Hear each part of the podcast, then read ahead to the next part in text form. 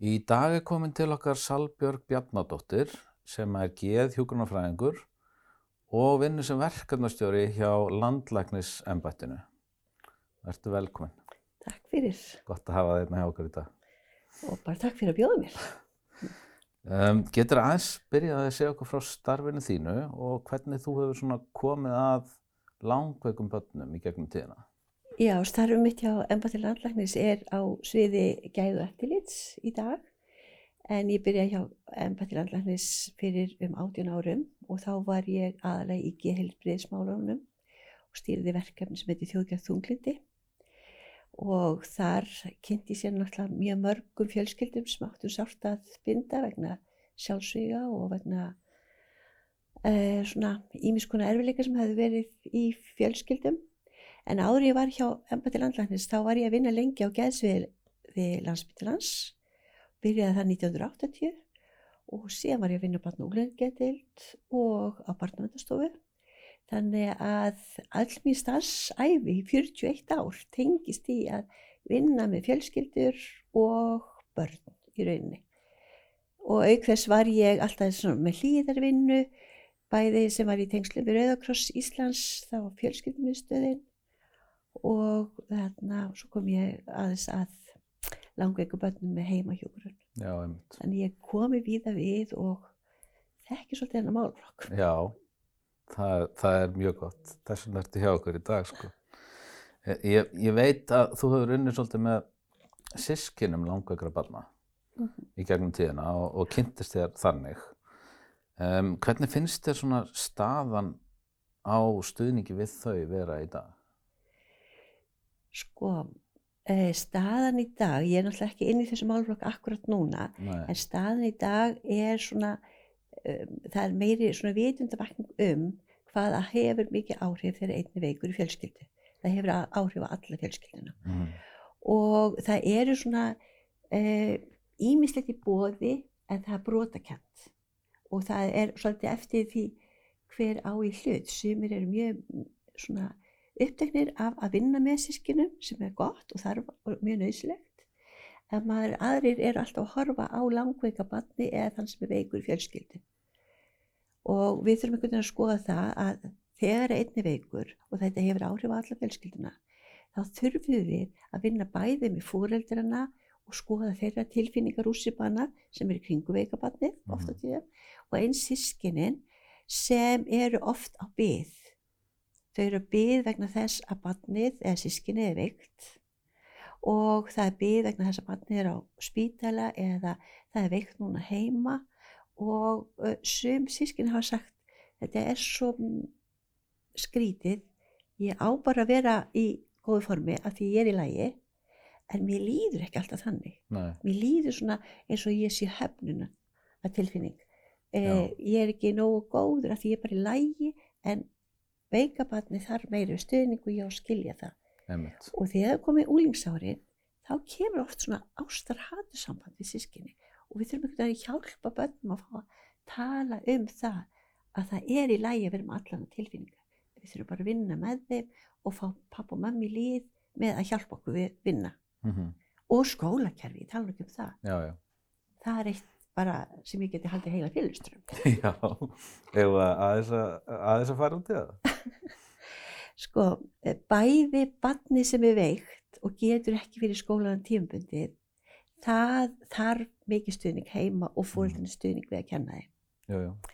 E, sískinni þurfa líka að fá stuðning vegna þess að oft er þannig að mamma og pappi eru alveg ofurbúslega upptekinn af að reyna að koma áfram barninu sem er veikt og ég á að vera duglegur, ekki það að mamma sé eitthvað vond, en ég á að vera duglegur eða ég tek mér það að vera duglegur svo þurfu ekki að hafa ágjör á mér.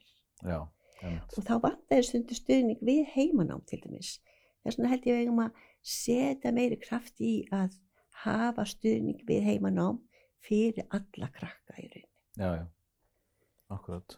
Svona, þannig að það myndi vera svona helsta áhugjefnið sem að þú þú myndir hafa varandi svona sískinni að, að þau sé ekki að fá nóg mikil stöðning við heimanámið, sérstaklega kannski. Sko, bæði við heimanámi og það til dæmis komast inn í íþróttir og annað, þau eru stundum svona til hljés, til þess að rugga ekki einu en einu mhm, og vita það að það er mikið álag á öllum heima og ég ætla ekki að fara að byggja um eitthvað. já, Og það er það sem ég hef ágjur á og, og vil að við séum miklu meðvitað um og ég veit það til þess að fyrir 30 árum það var ekki næstu öllum þessu börnum fyrir bjarga sem er bjargað í dag nei, nei, við fæðingu og við þurfum að setja inn markvisa stuðning frá fyrsta degi. Bæði eru foreldrar algjörlega í öngu sínum yfir ástandinu þegar kemst upp að barnið er ekki heilbrygt. Og þegar maður er í jafnvægi þá heyrum við kannski, kannski eitt fjóra því sem er sagt. akkurat. En Já, ve- ef- á venjulegum á degi. degi. Og ekkert er að. og ekki drað. En þegar við erum að berjast fyrir barninu okkar, einin og sér, Mhm, þá heyrum við kannski einn tíunda. Já, Og það er svo mikilvægt að við séum þess vegna með heimi í kringu hvert einasta barn, ekki bara meðan það er pínlítið, heldur vex og breytist heimi eftir því sem barni eldist og þarfi þeirra breytast og akkurat. fjölskyldunar. Algjörlega sammála. Og líka það að sko pappar og mammur heyra kannski mismunandi, þannig að þau þurfa líka að fá að tala saman, þannig að þau alltaf fara tvö í viðtölin Já, ekki vera sendibóði fyrir hitt fóreldri af því að þau þurfa að vita nákvæmlega hvað er að gera spæðið tvö til ekki að styrst hvort annað já, já. Og kannski taka eftir mismöndi hlutum úr algjörlega sem að hinn tók ekki eftir. já, Ég kannast við það. Já. Og hefna, hef nú oft gert um mistök að fara einn eða senda konuna mína Já. í svona viðtöl og, Mhm. og þá, þá er það er akkurat, maður veit ekkert hver, hverju maður missir af í rauninni að það er, það er kannski mikið upplýsingur sem koma fram og maður nær einu, einu tíunda kannski já, ef maður er ekki í góðu standi sko. já, og, og sko það er líka að þið viljum vera sendi herra barnan okkur og gera Já, það já. allra besta. Og maður er algjörlega með öll skilningafit á fullu en sko við heyrum ekki, við tökum ekki á móti að því við getum kannski ekki meira þessu augnabliki að því að það er líka þannig að við þurfum, sko ég sé alltaf, það er engin heilsa án geðheilsu og þegar börn eru mjög vansvefta, allavegna börn eru vansvefta, Mhm. þá eru fóreldarnir í mismunandi ástandi til að takast á við hlutina. Og þess vegna er svo mikilvægt að við hjálpum fóreldur sem eru með börn í ímiskonum vanda eh, að ná svefninu sínum. Ná því að vera í samskiptum þar sem má tala um eitthvað annað heldur en börnin líka Mhm. nota þetta með parsambandi. Það skiptir svo gríða miklu máli í öllum erfileikum að parsambandi sé gott. Við sem að hlúa hvort að öðru. Meðvitið um, nú ætlum ég að stíga inn að því ég sé að hún er svolítið þreytt. Eða nú ætlum ég að stíga betur inn að því að hann er svolítið þreyttur. Akkurat. Finnst þér að við þurfum að bæta eða breyta, þar að segja, helbriðskerfinu til þess að koma betur til móts við þennan hóp? Sko, ég held að við þurfum að horfa á þrjú kerfi saman. Já, Og ég held að við þurfum að skoða, það er heilbriðskerfi, það er félagsþjónustan eða þjónustumiðstöður á höfborgsvæðinu og skólakerfið. Þessi þrjú kerfi þurfa að vinna mun betur saman til þess að við séum að skoða samælega hagsmunni fjölskyldna. akkurat. Af því að það er margt sem eh, sko þurfa náttúrulega mikla þjónustu. Við erum að tala rosalega eh, vel um að við eigum fullt, fullt að góðum sérfræðingum. En sérfræðingarna þurfa að vera í faglegri, svona þverfaglegri samvinnu til þess að fjölskyldan sé að fá það besta. Og Akkurat. þess vegna þurfa þessi teimi að e, breytast eftir aldri bassins og skoða til dæmis bara yfirfærsla. Þegar þú verður 17 átjánara, Já, já. þá þarf það allt inn allt annað og það er gífurlega erfitt oft þegar ekkert tekur við. Og þess vegna held ég að þessi samfella þurfa að byrja að myndast bara við svona 15-16 ára aldur, þannig að yfirflutningunum verður ekki svona snöggur og oft svona, hvað ég segja, brotakendur. Já, já.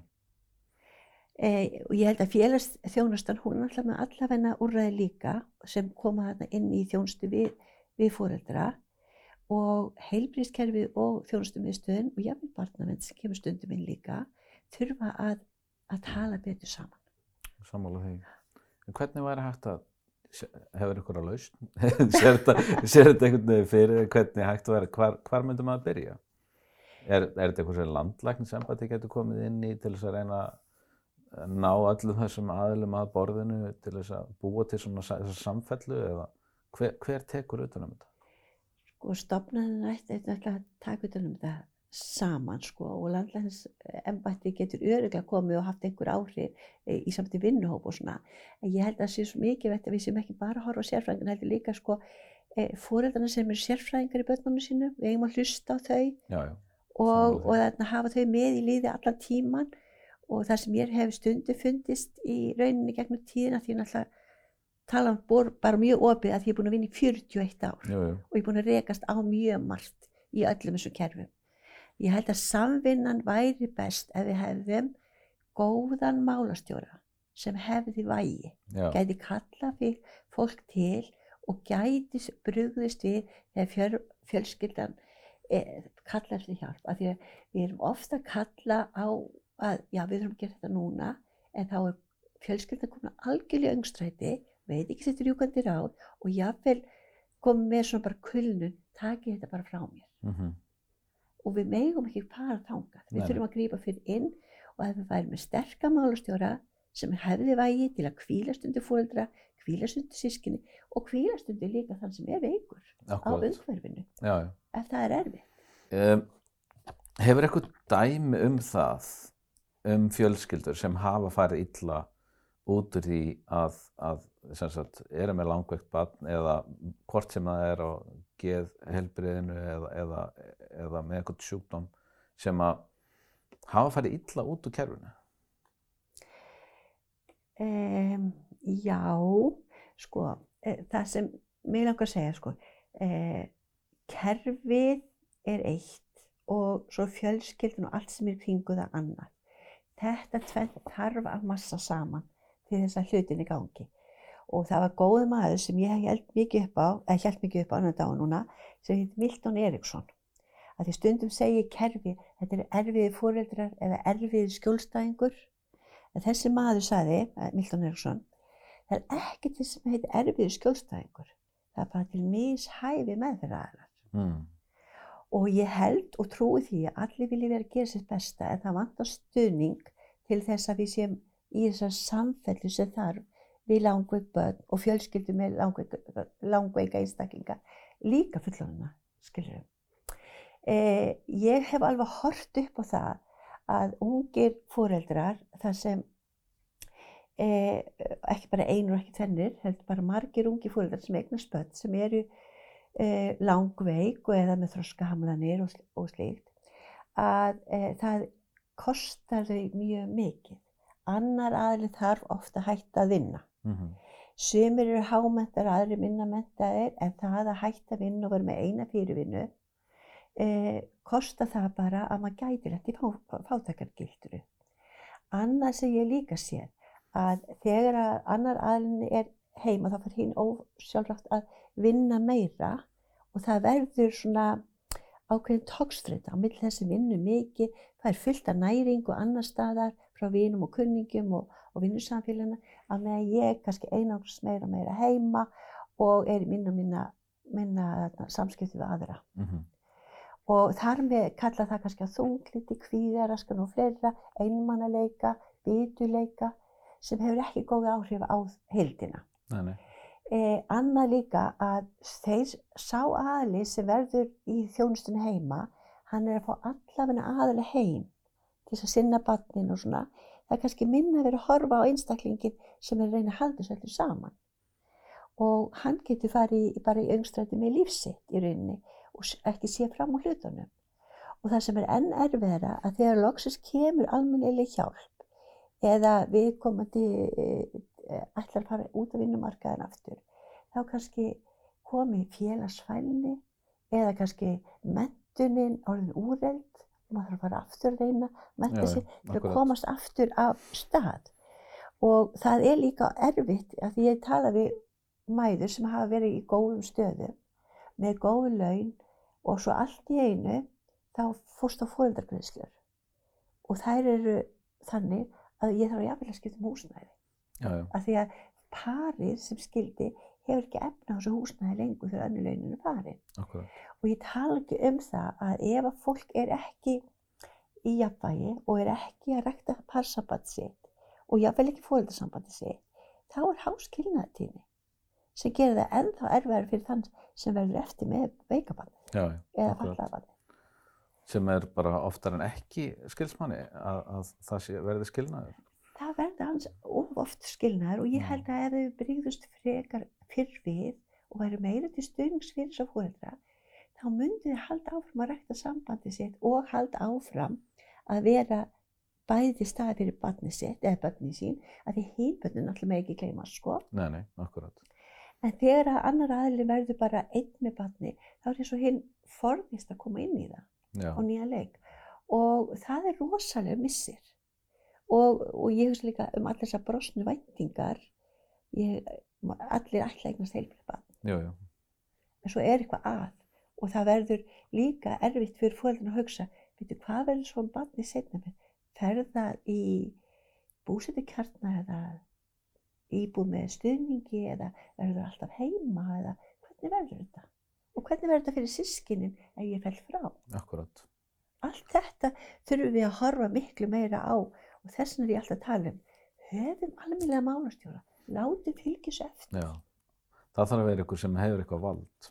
Einhver sem að ræður einhver og getur breytt einhverju, ekki einhver sem er bara svona að kannski að íta á hlutina með það þarf að vera eitthvað vald í þessu málastjóra. Já, og svo þarf líka að sko að því að, að þeir sem lenda í því að því ég, ég meni, já líka í mínu næst samfélagi uh, sem sé þekki til, þar sem ég hef verið langveikt, langveikt badd sko sem er orðið fullanir núna og líka badd sem dó uh, og hvaða áhrif þetta hefur á fjölskylduna og líka sískinin eins og eitt staði við mig fyrir nokkrum árum. Uh, við erum búin að hugsa það mikið sískinin eigum við ekki alltaf að passa upp á aðfangandarskvöld, jóladag, e, páskardag, að við komum til sé heima hjá okkur Já, þegar að mamma. Að því mamma hefur alltaf séð um þetta. Já, Veist. Þannig að veist, það er fullt af svona hlutum sem eru ósagðir í rauninni. það eru hlutir sem að fóreldrar eru að velta upp aftur og aftur og aftur og er að spá, spá spöglar í og, og hérna, kannski komast aldrei almennilega upp á yfirborðið og er aldrei rættir. Og þú er ekki að þetta. Nei, svo er það, já, þú veist, svo er það forvarnir. Mm -hmm. Veist, hva, hvernig er hægt að, ge- getum við haft einhverja forvarnir í þessum málaflokki? Já, sko held betur. Og hún kom ansið vel inn að það bara hún, hérna, Siggastína hérna í þættinum hjá þér um daginn. Já, Sko, við erum með heilsueflandi samfélagi, við erum með heilsueflandi skóla, heilsueflandi vinnustæð og annað. En þurfum við kannski líka að horfa á heilsueflandi samfélagi fyrir þá sem minna meira sín? Mm Af því það er ekki bara þeir sem eru langveikir, líka þeir sem eru að berjast við föllun eða slíkt. Við þurfum að gera meira. Við erum að ná í forvörnum ansi vel yfir heildina, en það er svona jaðarhópar sem verður út undan. Já, og við þurfum virkilega að koma þar meira inn. Og þar komum við inn bara strax frá sko, fæðingurinn og eiginlega meðgöngu. Við erum að gera flott í meðgöngu, vend og annað. Já, já, en, og, og, í skólanum en við erum ekkert rosalega mikið að hugsa um þann sem er veikur eða er ekki að nota til með skólakerfi sem skildi og fleira. mm Við þurfum að gera miklu betur í já, og við getum það. já, já, já, ég er sammálaður. Mér finnst það eiginlega bara svona yfir höfuð, þarf sko heilbreyðiskerfið að vera að vinna miklu meira í forvörnum. Og bara, bara fyrir vennlegt fólk, skilur þannig að það, þannig að það veikist síður að, að við séum í rauninni að, að hugsa um heilsuna fyrir alla, alltaf, en ekki Mhm. bara koma inn í þegar allt er komið í steik og, og, Mhm. og það þarf að fara að leggja einhvern inn, sko. En við tölum nú um það sko að núna hefur samt verið sett ansi vel inn í heilsugæsluna sem ég er mjög glöð með. Það er komið núna sko sálfræðingarinn allra heilsugæslur. En ég vil líka sjá þar geðlagni og ég vil líka sjá þar geðhjúkunarfræðinga, yðjúþjálfa, sjúkurþjálfa. mm Við eigum að taka þetta og samþætta allar þessa þjónustu á fyrsta stíginu. Svo erum við með annar stígi þar sem ég, eins og geðheilsu teimin sem er orðið þrjú á höfuborgarsvæðinu og komið á, í hvert fjórðungi sjálfur sér. En það er bara svona kannski veikburðara því að það er verið að koma þessu á já, þetta er bara fætur. nýbyrjað. Já. Já, Eh, og ég hef trú á að heilsugjastlan geti gert mun betur með því að það er verið að vinna að að börn og úlingar og fjölskyldu þeirra komist í fyrstu sex sjö viðtölin inn á heilsugjastlunni Já. hjá sálfræðingi eða einhverjum geðmentu þannig að e, það eru góði hlutur að gerast en þetta bara gerir svo hægt Já, einmitt. En talandi um akkurat það, svona geðra vandamál. mm Nú hef ég heyrt frá vinum og kunningum sem að uh, eiga kannski börn eða úlinga með hérna, geðra vandamál, að þau bara komist ekki að næsta ár eða, eða komist það bara að á engastofum þar sem maður þurfa að borga alveg svakalega peninga til þess að fyrir hvern einasta tíma og hafa kannski bara gefnaði. Hvernig er þessum málum háttað og af hverju eru við að leggja svona lítið í hennar málaflokk? Já, Erfið sko, spurning. þetta er erfið spurning en sko máli er það að e, bygglistar eiga náttúrulega ekki vera bara til fyrir börn og úlinga því Nei, hver dagur er svo dýrmætur en það eru bygglistar allstar og kannski þurfum við bara að setja enn meiri kraft í það að e, þegar að greiningar koma að fólk fari svo í, í þarna í, sé e, samtalsmeðferð í kjölfarið. Stundu þar bara stutt inngrip. En forvarnir og stutt inngrip eh, gera eiginlega gæfu munin í rauninni Er til lengri tíma liti en við erum ofta að býða svo rosalega lengi eftir að hlutinni verði Já, þannig að Akkurat. þau þurfum að fara kannski inn á bugl Já. eða, eða eitthvað slikt. En fyrsta stigið með því að e, nýta það að hafa heilsugæsluna svona eins og hún er að verða núna og þróast betur og betur í að takast á við þessi þennan vanda fyrr. Þá er þetta kannski komið vel fyrir að verði svo slæmur að þurfi að fara inn á bugli til dæmis Mm og ef bugli væri bara að sinna þriðjastigsmálum sem eru, sem eru fyr, þá veikustu börnin, þá væri ekki spyristi. Já, En þegar við höfum svo að geðheilsu teimin sem eru búin að vera að gera mjög góða hluti og eru með mjög marga í sin- sinni þjónustu, sem er þá annarstigs þjónusta, já, þá eru þau að gera vel við ákveðin hóp. En svo vantar að gera miklu betur fyrir frá 0 til 18 ára og svo 65 ára pluss af því að þetta er ekki komið lengra en maður myndi vilja sjá geðheilsustöð frá vöggu til grafar í rauninni. E, meðgönguvendin er að gera mjög góða hluti og, smá, uh, og smáböndavendin líka.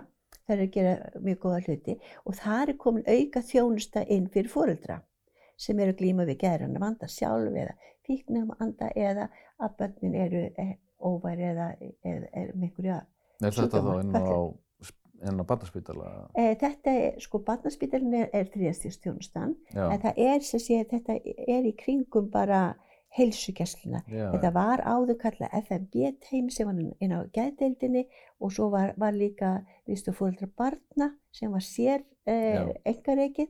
Þetta fór inn í heilsugjastlega núna sem er af hennu góða. mhm, Af því þannig verið að grípa fullt af fólki fyrr inn í ferlinu en þetta er bara tæft ásíðan þetta byrjaði. Já, já. Þannig þetta er gott. Þannig að vonandi sjá kom- að þetta betur koma inn á næsta ári. Já, og við vonum að þetta haldi bara áfram að þróast þannig að við náum öllum börnum í rauninni. En svo er það líka það að eh, sko, e, börn sem þurfa talkjærslu, þeir þurfa að býða alltaf lengi og meðan þau eru að býða þá vex kvíði hjá þeim og já, Þannig við þurfum að, að grípa fyrr inn í þannig að, að þjónastin er til staða þegar barni þarf á því að halda og fjölskyldan en ekki að við komaðum inn í eitthvað kerfi eða einhverju kassa. algjörlega sammála því. Þetta þarf að vera einstaklingsmiðað. einstaklismiðar og allir meðferðaraðilar og þurfa að eiga verkværa kistu. Við getum ekki tróði öllum inn í sammódili. Já, já, Það er verkværa, verkværa kista sem við tökum upp úr skoðum hverja fjölskyldi fyrir sig og hennar þarfir. Hlustum á þau að því að ég segi alltaf, e, sko, ef við ætlum að vera sérfræðingar í viðtöljum, ekki byrja þá að yfirheyra akkurat. byrjuð þá að leiða fólkinu með þögul hlustun að segja kannski sjö mínútur hvað er að gerast hjá þeim. Tökum eftir öllu litlu hýttunum áður en við förum inn í virka samtalið. Af því það er svo ofbúrslega massi býr í fóreldrunum og þau gleyma kannski ef við förum bara að ráðgefa. Jú, jú, algjörlega. Það er það sem við eigum ekki að gera. Við eigum að vera til staðar. Hlusta. Hlusta, um eitt og tíu. Já, E- e- Eitt sem ég vil segja sko, að því við erum að tala um kerfin, mhm, þá eru alltaf að spretta upp svona ímislegt eins og sjónarhóll, uh, leiðarljós og fleira og fleira og fleira. Allir sem vilja gera svo vel, tökum vel á móti þessu, vinnum saman að samanum hagsmunum. algjörlega sammála því. Það skiptir svo gríðarlega miklu máli að því þeir alltaf verið eitthvað sprett eitthvað nýtt og nýtt og nýtt og nýtt og svo er ekki samhengi og samfella og svo lóknist það út af, þá töfum við svo mikil visku. Já, akkurat. Við þurfum að, að taka saman öll þessi félög sem vinna, vinna að þessu málflokki, Já. samræma þau. Samræma Og, þau. hérna, það er svolítið sem við þurfum að gera, við Já. sem erum í þessum góðgerðamálum. Mhm. Við þurfum að, þarna þurfum við að taka okkur á. Við þurfum að tala betur saman, við þurfum að samræma okkur við þurfum að leiðbina fólki á rétta staði Já. og við þurfum að náttúrulega vinna saman. Það er aðalmálið. vinna saman og svo væri ofsalega gott að hafa eitthvað svona leiðaljós til að sko vita hvar Já, á að vera hvert, hægt að á- þjónustu. Hvert er ég að fara? Já. Hvert er ég að leita eftir þjónustunni? af því það, ef við myndum nýta alla peningi betur þá myndu alla fjölskyldu græða því Já, varandi þennan hóp, um, foreldra langveikra uh, barna og foreldra barna með gæðra vandamál. Hversu alvarlegt í rauninni getur vandamáli orðið? e, það getur orðið mjög alvarlegt og þetta fer rosalega mikið eftir hvaða stuðning fólk er að fá. Sumir eru mjög einmanna og einir í allri sinni báráttu og, hafa, og, kunna kannski lítið á kerfið og kerfið kannski ekki að grípa þau nógu fljótt. E, fólk getur alveg farið í öngstræti og séð ekki rétt út úr þessu og langaði að vilja hverfa úr þessari jarðvist. Já, ok. En eh, sem betur fyrir er það þannig að lang, lang flestir eiga fólki kringu sig og þar vil ég nefna ömmur afa og sískinni fóreldra sem eru oft miklu bjargvættir.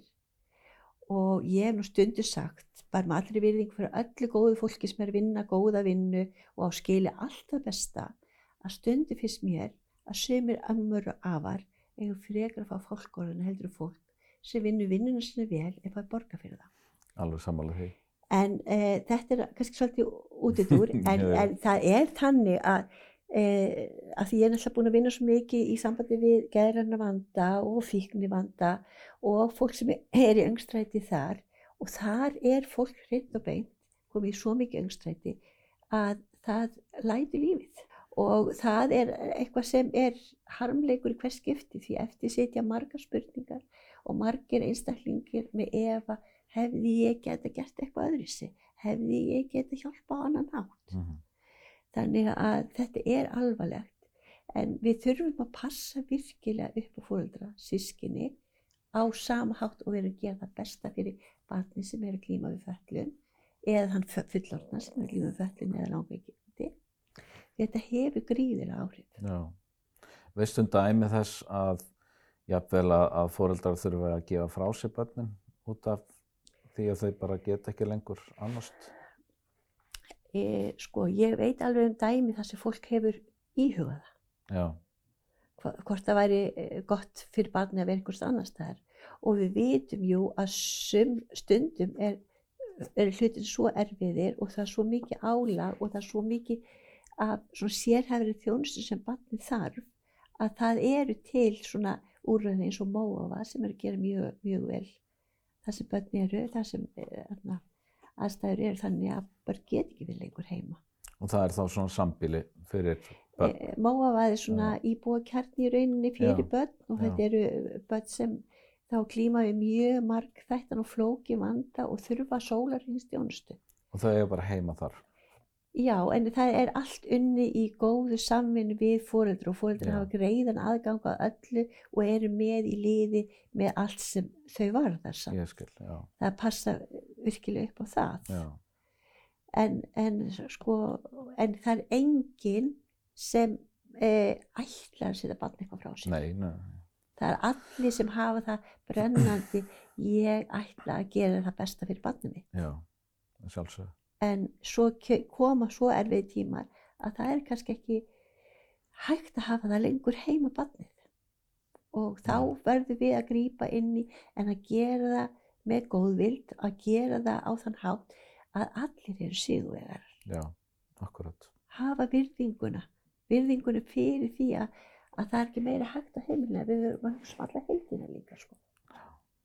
Um, en, en gætu við, ef við myndum gera betur við þennan málflokk, ef við myndum gera betur við þessar fjölskyldur sem er nú ekkert svo svakalega margar hérna á Íslandi, Mhm. uh, myndum gera betur kannski varandi fóreldragreislur, varandi það að fái liðveslur, varandi jafnvel að, að, að, að lagfara húsnæði og Mhm. annað, myndi þá hérna myndi þá ekki öllum líða betur? Myndi þá ekki þessum fjölskyldum ganga betur í lífinu og, og, og lífsgæðin myndi aukast? Algjörlega, algjörlega. Og það er þannig sko að e- eins og ég sagði á, sko, það vilja allir hafa börnin heima en þegar maður er algjörlega einn stóran hluta sólringsins þá er þetta stundum bara ofviða fólki. Ef við hefðum meiri þjónustu heim og svona e, virkari þjónustu, nota meira þú veist fagfólk eins og þroskaþjálfar, sjúkraliðar, það af fólki sem getur komið sterkar inn í liðveislu af því að ef við erum með, liðveislu sem er ekki að fá stuðning og kannski enga mentun á bakinu að þá gefast þær fljótt upp og þá verður líka svona ákveði erfileikar, það er alltaf nýr og nýr að koma heim jú, jú. og það er erfitt fyrir fóreldrana, það er erfitt fyrir langveika einstaklingin og það er erfitt fyrir sískinin að það er alltaf einhverjum á heimilinu. Þannig við þurfum að búa til aðstöðu þannig að barni geti verið heima með sínum á sínu fórsendum með stuðning og fóreldrarnir að fá stundu kraft til að fara og gera eitthvað svona rómatist saman. Já, Það verður að huga því að þau gefist ekki upp bara af því þetta er 20 ára að vinna. Og svo loksins þegar við fara að tala kannski um búsettu kjarna e, þegar krakkan er 18 til 22 ára, eða ungmenni réttar að sagna, að þá kannski tekum við 5 ára bygg og þá er einstaklingurinn, hann er kannski með ákveðna þarfi sjálfur sem hún langar ekki að búa lengur með fóröldur sínum. já, já, Hún langar að búa sjálfstætt eins og bara aðrir í kringum hann. akkurat. Þannig að, að eins og ég segi, félagsþjónastan, eh, heilbriðiskerfi, við þurfum öll að vinna saman og bara skoða hvernig eh, virkjum við fjölskylduna sem best þannig að henni vegni vel. Hún far ekki inn í einhverju fátakargildru. Já, já.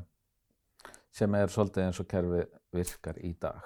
Það er svona, það er svona, þetta er svona spírall finnst mér sem byrjar, þú veist, byrjar á því að, að barn er greint með einhvers konar vandamál og svo byrjar bara spírallinn, annað fóreldri þarf að hætta að vinna, Mm. uh, jafnvel hitt þarf að minka vinna sinna líka, og tekjurnar náttúrulega minka og, og svo bara endar spírallinn í einhverju, þú veist, oft bara þannig að foreldrar eru orðnir öryrkjar og, og hérna, bæði búnir á líkama á sál. Þannig að það þarf að, það þarf að grípa þetta miklu, miklu fyrr. miklu fyrr og alltaf að horfa á, sko, þú veist, fyrst er það litla barnið og þá er all tæki og tól bara lítið. Jú, jú, Svo verður það stærra, það er fleiri tæki, svo er það ennþá stærra og það koma liftur og annað. Það þarf að líka vera húsnæði sem getur borið það að akkurat. hafa einstaklingin heima. Já, já, Þannig að við þurfum að, að skoða hvernig gerum við þetta vel og gerum þetta þannig að öllum á heimilinu líði vel. Og þá er ég líka að tala um að því ég er alltaf bara mjög upptekin af sískinunum vegna þess að þetta getur haft áhrif á námsárangur, þetta getur haft áhrif á kvíða, þetta getur haft áhrif á svo ótrúlega ma- margt í samtíð við félagslega stöðu. jú, Ef ég hef alltaf verið kannski ábyrg fyrir sískinu mínu, þú getur ekki gert þetta því að hún eða hann getur ekki verið með eða þú mátt ekki koma vinnin inn núna af því að barnið er eitthvað meira veikt heldur en vennilega. Þannig að allt þetta getur við létt undir fóreldrum með því að hafa góða markvisa þjónustu heim. Og þá koma náttúrulega NPA samlingarnar inn. jú, jú, Það er eitthvað sem þarf að vinna miklu betur í. akkurat. Þa, Og það nú svolítið fjármagn þar og, og svona tal, um, talsamband milli ríkis og bæjarfélaga. Já, og, og þarna kemur líka eh, það inn, sko, með að eh, ríki og sveitifélag hver á að gera hvað. Já, Við þurfum að vinna þetta saman. akkurat. Og svo er líka náttúrulega e- eins og að staðfestis blessuðu lög, Jú, jú, það er nú eitt. það er eitt sem að fresta vera- núna á síðast ári. Já, hvað er það búið að fresta soft? Já, Það er búið að oft. staðfesta fyrir löngu, sko. Já, já, akkurat. Þannig að það er ímyndlega svona sem getur gert betur og, og ég held að við eigum svona eins og öll þessi góðu, flottu samtök sem eiga, eiga hérna öll tilvistar rétt, vinnu samt betur saman og og skoðum hvernig getum við unnið þannig að við, við séum að skoða að eigða fjármununum á réttan hátt akkurat, til uppbyggingar. sammála því. Og takk fyrir spjallið, Sjálfbjörg. Takk fyrir að koma til okkar. Takk fyrir að bjóða mér og gangi ykkur vel. Já, takk hérna.